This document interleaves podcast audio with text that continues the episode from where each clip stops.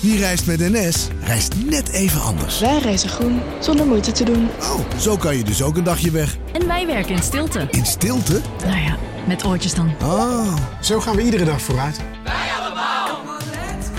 Stap je ook in? Nieuw Aquarius Red Peach Zero Sugar. Met zijn heerlijke frisse persiksmaak zonder suiker draagt Aquarius bij tot jouw dagelijkse hydratatie en helpt zo mee om je vochtbalans op peil te houden tijdens alledaagse actieve momenten. Thuis, op het werk of onderweg. Ook verkrijgbaar in smaken lemon en orange. Probeer hem nu.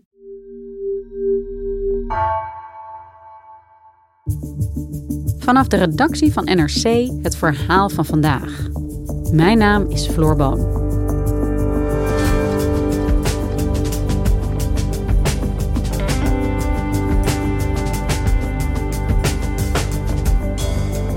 In Oekraïne wordt na ruim 100 dagen nog steeds hevig gevochten, voornamelijk in het oosten van het land. Dagelijks sneuvelen er honderden militairen aan zowel Oekraïnse als aan Russische zijde. Redacteur Steven Deriks neemt ons mee langs het front, waar zich langzaam maar zeker een padstelling aftekent.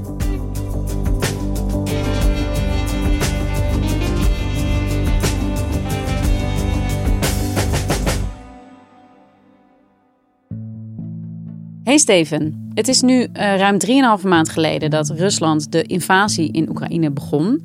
En ja, de ongemakkelijke waarheid is denk ik ook wel dat de aandacht in algemene zin voor de oorlog een beetje aan het verslappen is. Ja, dat merk je natuurlijk vooral in de berichtgeving in de media. Die neemt gewoon af. Er schijnt een soort van uh, gouden regel te zijn. Hè? De aandacht voor elke oorlog duurt ongeveer drie maanden. Dus na 100 dagen heeft iedereen het gewoon een beetje gehad. En dan, uh, dan gaan mensen uh, zich met andere dingen bezighouden, hoe uh, cynisch dat misschien ook is. Ja, hoe komt dat, denk jij? Merk je het zelf ook? Nou, ik merk het zelf niet erg, omdat ik zit elke dag naar te kijken. En um, nou ja, de berichten zijn ook toch ook wel schokkend als je kijkt naar het aantal doden en gewonden dat er valt. Dus dat is niet iets wat je zomaar van je afschudt. En bovendien moet ik het analyseren voor de krant. Dus dat betekent dat ik ook moet opletten wat er gebeurt. Maar ik kan me wel voorstellen dat als je gewoon een nieuwsconsument bent, dat je wel eens een keer wat anders wilt lezen of zien. Maar goed, het gaat natuurlijk wel gewoon door. Is er een inschatting te maken van hoeveel mensen er dagelijks sneuvelen? Ja, de uh, Oekraïnse uh, generale staf die geeft elke dag cijfers van het aantal Russische doden. Dat is misschien een beetje overdreven, of dat is vrijwel zeker uh, overdreven, maar dat zijn, uh, dat zijn schokkende aantallen. Aan de Oekraïnse kant hoorden we uh, tot voor kort daar niet zoveel over, daar wilden ze niet zoveel over zeggen. Maar nu de druk op de Oekraïnse strijdkrachten toeneemt, begint Zelensky daar dingen over te vertellen, ook zijn adviseurs. En een van die adviseurs die noemde vorige week een aantal van 100 tot 200 doden per dag. May I ask you about the sort of casualties the Ukrainian military is enduring at the moment? Uh, unfortunately, the fighting in the east of the country is very intense, and as a result, daily losses have grown to around between 100 and 200 people. Ja, dat zijn echt hele grote aantallen. Ja, vooral omdat je uh, moet bedenken dat er veel meer gewonden vallen dan doden in het algemeen. Dus voor elke dode moet je minstens uh, twee gewonden erbij optrillen. Dus als Oekraïne 200 uh, doden heeft op een dag, zijn de totale verliezen zijn minstens 600 man. Nou, dat is waanzinnig. Dat is ja, niveau Tweede Wereldoorlog. Ja, het ongemak zit erin dat veel mensen zich misschien niet meer elke dag bezighouden. Maar wat jij zegt, die oorlog die gaat gewoon door. Die vindt plaats op het moment dat wij hier aan het spreken zijn. Hoe staat het er nu voor? Welk verhaal is er nu te vertellen over de oorlog in Oekraïne? Het verhaal dat je nu zou moeten vertellen is hoe lang Oekraïne dit nog kan volhouden en wat er gebeurt als Oekraïne het kan volhouden. En dat is dat er een soort van impasse gaat ontstaan. En dat we wel gevechten zullen zien, maar niet hele grote ontwikkelingen. Als je het verhaal zou moeten vertellen van hoe de oorlog er nu uitziet, dan is het denk ik slim dat je gaat kijken naar verschillende plaatsen langs de frontlijn. Ja, en om heel even te beginnen met die frontlinie en waar die zich nu bevindt. Waar wordt er op dit moment gevochten? De zwaarste gevechten worden gevoerd in de Donbass. waar uh, zich een soort van pocket heeft gevormd, waar uh, Rusland eigenlijk de Oekraïnse strijdkrachten in de tang zou kunnen nemen. En wat bedoel je met een pocket heeft gevormd? Een pocket is, uh, nou ja, de Russische linies bevinden zich eigenlijk een beetje in een halve cirkel rond de Oekraïnse posities. En daardoor zouden ze van twee kanten kunnen aanvallen en Oekraïnse strijdkracht kunnen insluiten, omsingelen, waardoor die in de val zitten die plek aan het front zie je dat heel duidelijk. Als je op de kaart kijkt, dan zie je heel duidelijk dat de Russen zitten in het noorden, eh, in het oosten en in het zuiden. En de Oekraïners worden steeds verder die pocket ingeknepen, zeg maar. Is ook lang gedacht dat dat het plan was. Maar je ziet dat Rusland voortdurend zijn ambities moet uh, terugschroeven. En dat die uh, omsingeling eigenlijk niet zo goed van de grond komt. Maar je ziet wel dat daar de zwaarste gevechten worden gevoerd. En dat gebeurt vooral bij uh, een van de laatste steden van de provincie Lugansk, die nog niet in Russische handen is. En dat is de stad Severodonetsk, een industriestad van zo'n 100.000 inwoners voor de oorlog.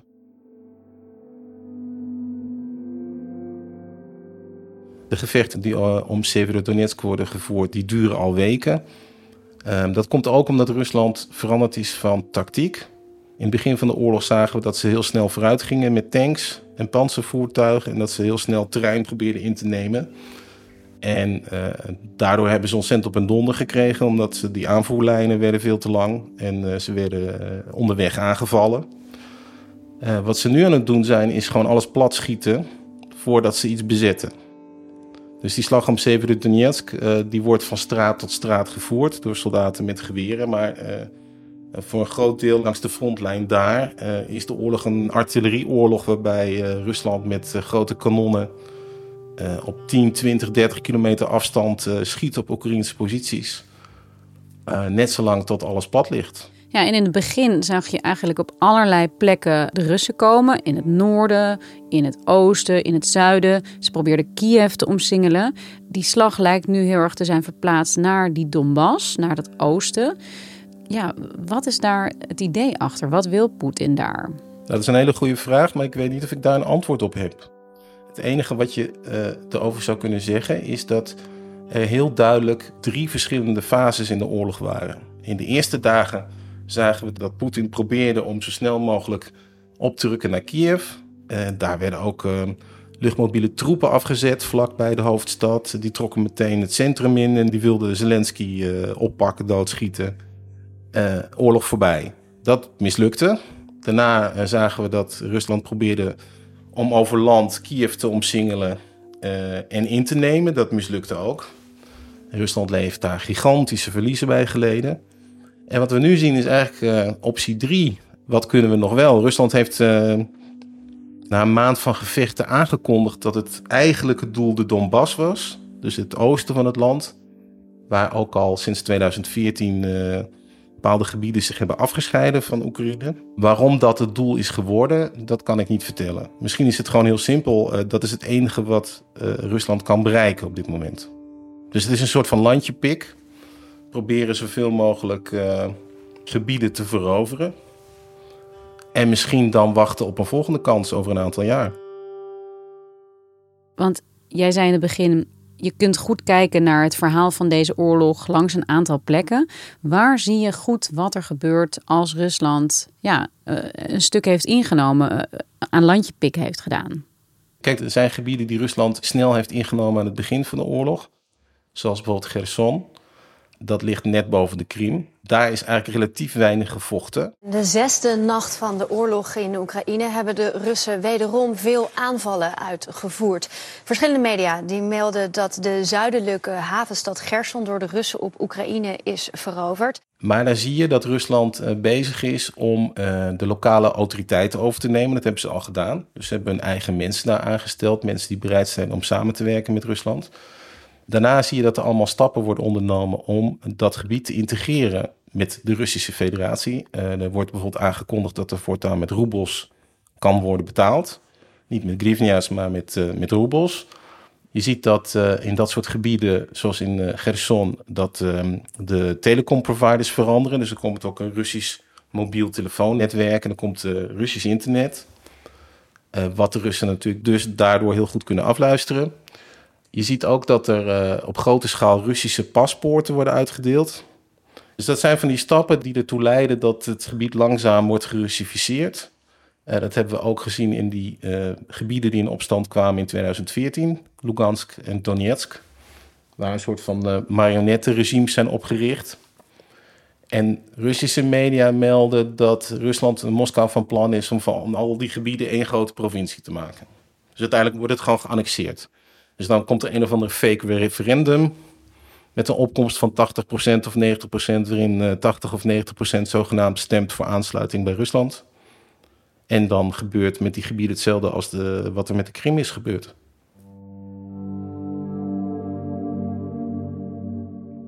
En als je nu kijkt naar Gerson, hoe valt dat? Accepteert de Oekraïnse bevolking ook ja, dat die Russen dit hebben ingenomen en bezig zijn met die Russificatie? Nou, dat is het interessante, dat, is, dat de bevolking daar helemaal geen zin in heeft. Um, in 2014, toen de oorlog in Oekraïne begon, uh, had Rusland nog enig succes met het uitlokken van conflicten. Vooral in gebieden waar veel Russisch werd gesproken. Maar inmiddels zijn Oekraïners hebben geleerd van het verleden en weten wat het betekent als, als Rusland je vriend wordt, zeg maar.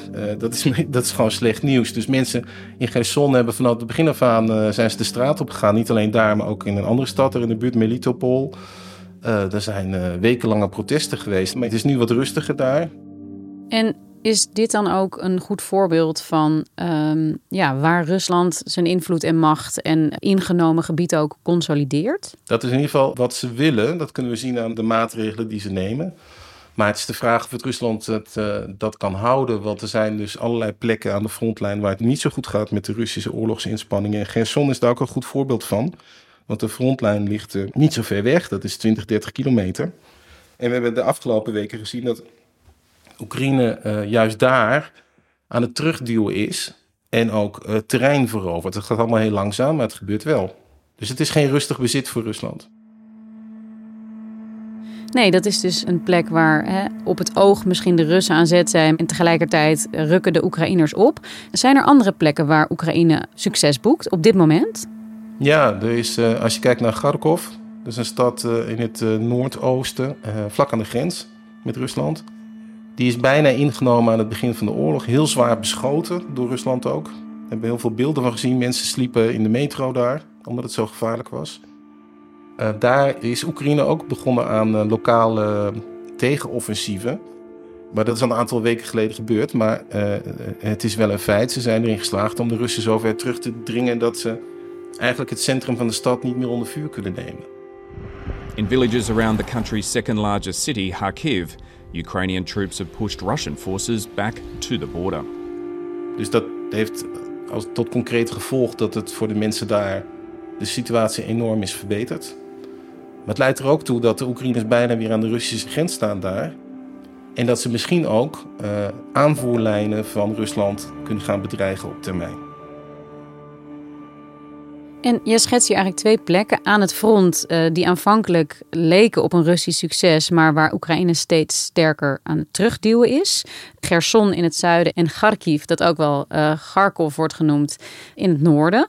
Wat vertelt ons dit nou eigenlijk over de huidige stand van de oorlog? Waar staat het nu? Nou, dat laat heel goed zien dat uh, er op de langere termijn een padstelling kan ontstaan tussen Rusland en Oekraïne. En dat wil zeggen dat beide partijen elkaar in evenwicht houden. Dat beide partijen wat minder initiatief gaan vertonen, dus minder gaan aanvallen. En dat het een soort van statische oorlog wordt, waar partijen wel uh, op een afstand uh, bijvoorbeeld met artillerie op elkaar schieten, maar niet meer grootscheepse aanvallen uitvoeren. Een goed voorbeeld van uh, het soort van gevechten dat nu wordt gevoerd, zie je in Severodonetsk. Er wordt al wekenlang wordt er om die stad gevochten. Oekraïners trekken Severodonetsk in om de stad te verdedigen. De Russen uh, schieten die stad volledig in puin. Uh, proberen daarna op te rukken. Uh, straatgevechten. Oekraïners worden teruggedrongen. Daarna voeren de Oekraïners versterkingen aan en worden de Russen weer teruggedrongen. Krijgen we weer een ronde artilleriebeschietingen. Dus het golft de hele tijd heen en weer. En het duurt weken voordat de Russen uiteindelijk erin slagen om die stad in te nemen. After another night of heavy shelling, the strategic eastern city of Severodonetsk is now almost entirely under Russian control. Ukrainian forces, which had resisted Moscow's advance for weeks, were forced to retreat from the city center on Monday. Die gevechten zijn al weken aan de gang en het is nog steeds niet afgerond. Uh, en aan het eind van het verhaal is, die, is er van die stad natuurlijk helemaal niks over. Dus wat valt er te veroveren? Hè? En dan is uiteindelijk de vraag: welk land houdt het het langst vol? Ja, precies. Op dit moment uh, uh, zien we dat beide landen tekenen van uitputting aan het vertonen zijn. Je ziet aan de Russische kant dat het materieel op is. Rusland schiet 50.000 granaten per dag af. Maar uh, als het gaat om ander materieel hebben ze grote problemen. Je ziet overal aanwijzingen dat Rusland oude Sovjetmeuk uit de garages moet rijden en inzetten om nog voldoende tanks te hebben. Een van de modellen die is gesignaleerd is de T-62. En als ik jou nou vertel dat de 62 staat voor het eerste productiejaar van die tank, dan heb je een soort van indruk hoe modern dat ding is, uh, namelijk stokoud. Je ziet ook dat ze toch dienstplichtigen oproepen. Dat doen ze vooral in de bezette gebieden, in Lugansk en Donetsk, waar mensen gedwongen worden om het leger in te gaan.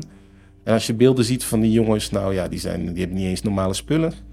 Dus die, die, die, die lopen echt in een soort van voddenbalen eh, met oude wapens. Zijn helemaal niet getraind. Uh, en die worden dan Severodonetsk uh, ingestuurd. Dus een soort kanonnenvoer is het. Aan de andere kant zie je dat Oekraïne uh, heel gemotiveerd is om te vechten, maar dat ze gewoon veel te weinig materieel hebben, afhankelijk zijn van het Westen en op dit moment ook hele zware verliezen lijden. En hoe staat het met die wapenleveranties? Gaat dat snel genoeg? Zit daar vertraging in? Nou, Oekraïne zegt dat het veel te traag is en dat ze veel meer nodig hebben. Westerse landen hebben steeds meer toegezegd. Maar een groot deel van het materiaal is er nog niet. En uh, een bijkomend probleem is ook is dat de Oekraïners daar ook mee moeten leren omgaan.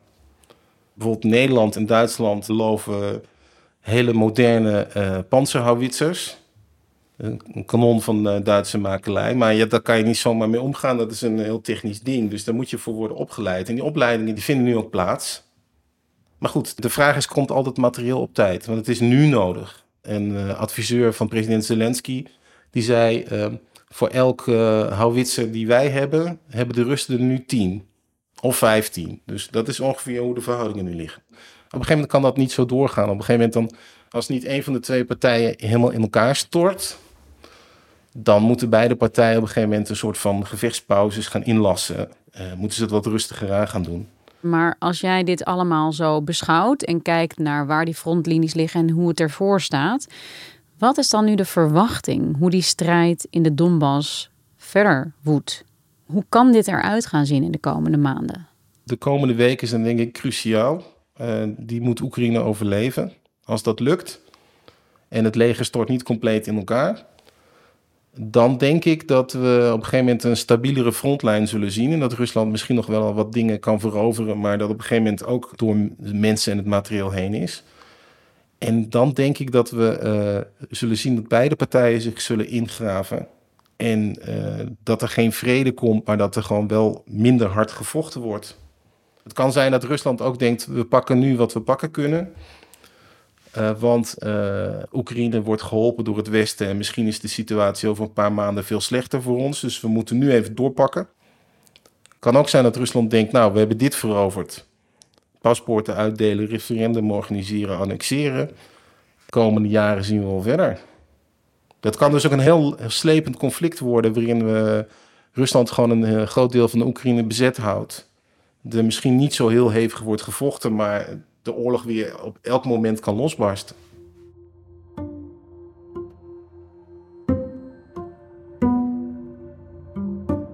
Eerder in deze podcast gebruikte jij een keer het beeld van twee boksers die uitgeput tegen elkaar in de ring hangen uh, en eigenlijk allebei niet meer in staat zijn om een volgende klap uit te delen.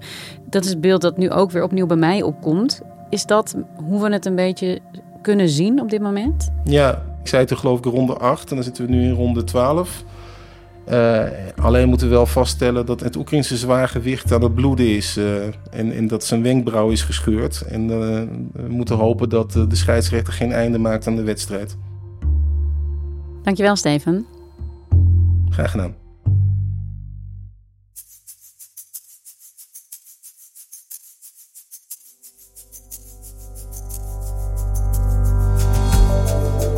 Je luisterde naar vandaag, een podcast van NRC. Eén verhaal, elke dag. Deze aflevering werd gemaakt door Julia Vier en JP Geersing. Dit was vandaag. Morgen weer.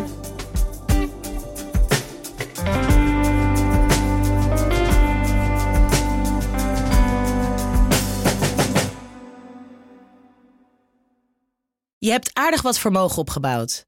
En daar zit je dan, met je ton op de bank. Wel een beetje saai, hè? Wil jij, als belegger, onderdeel zijn van het verleden of van de toekomst? Bridgefund is een slimme fintech die een brug slaat tussen de financiële behoeften van ondernemers en van beleggers.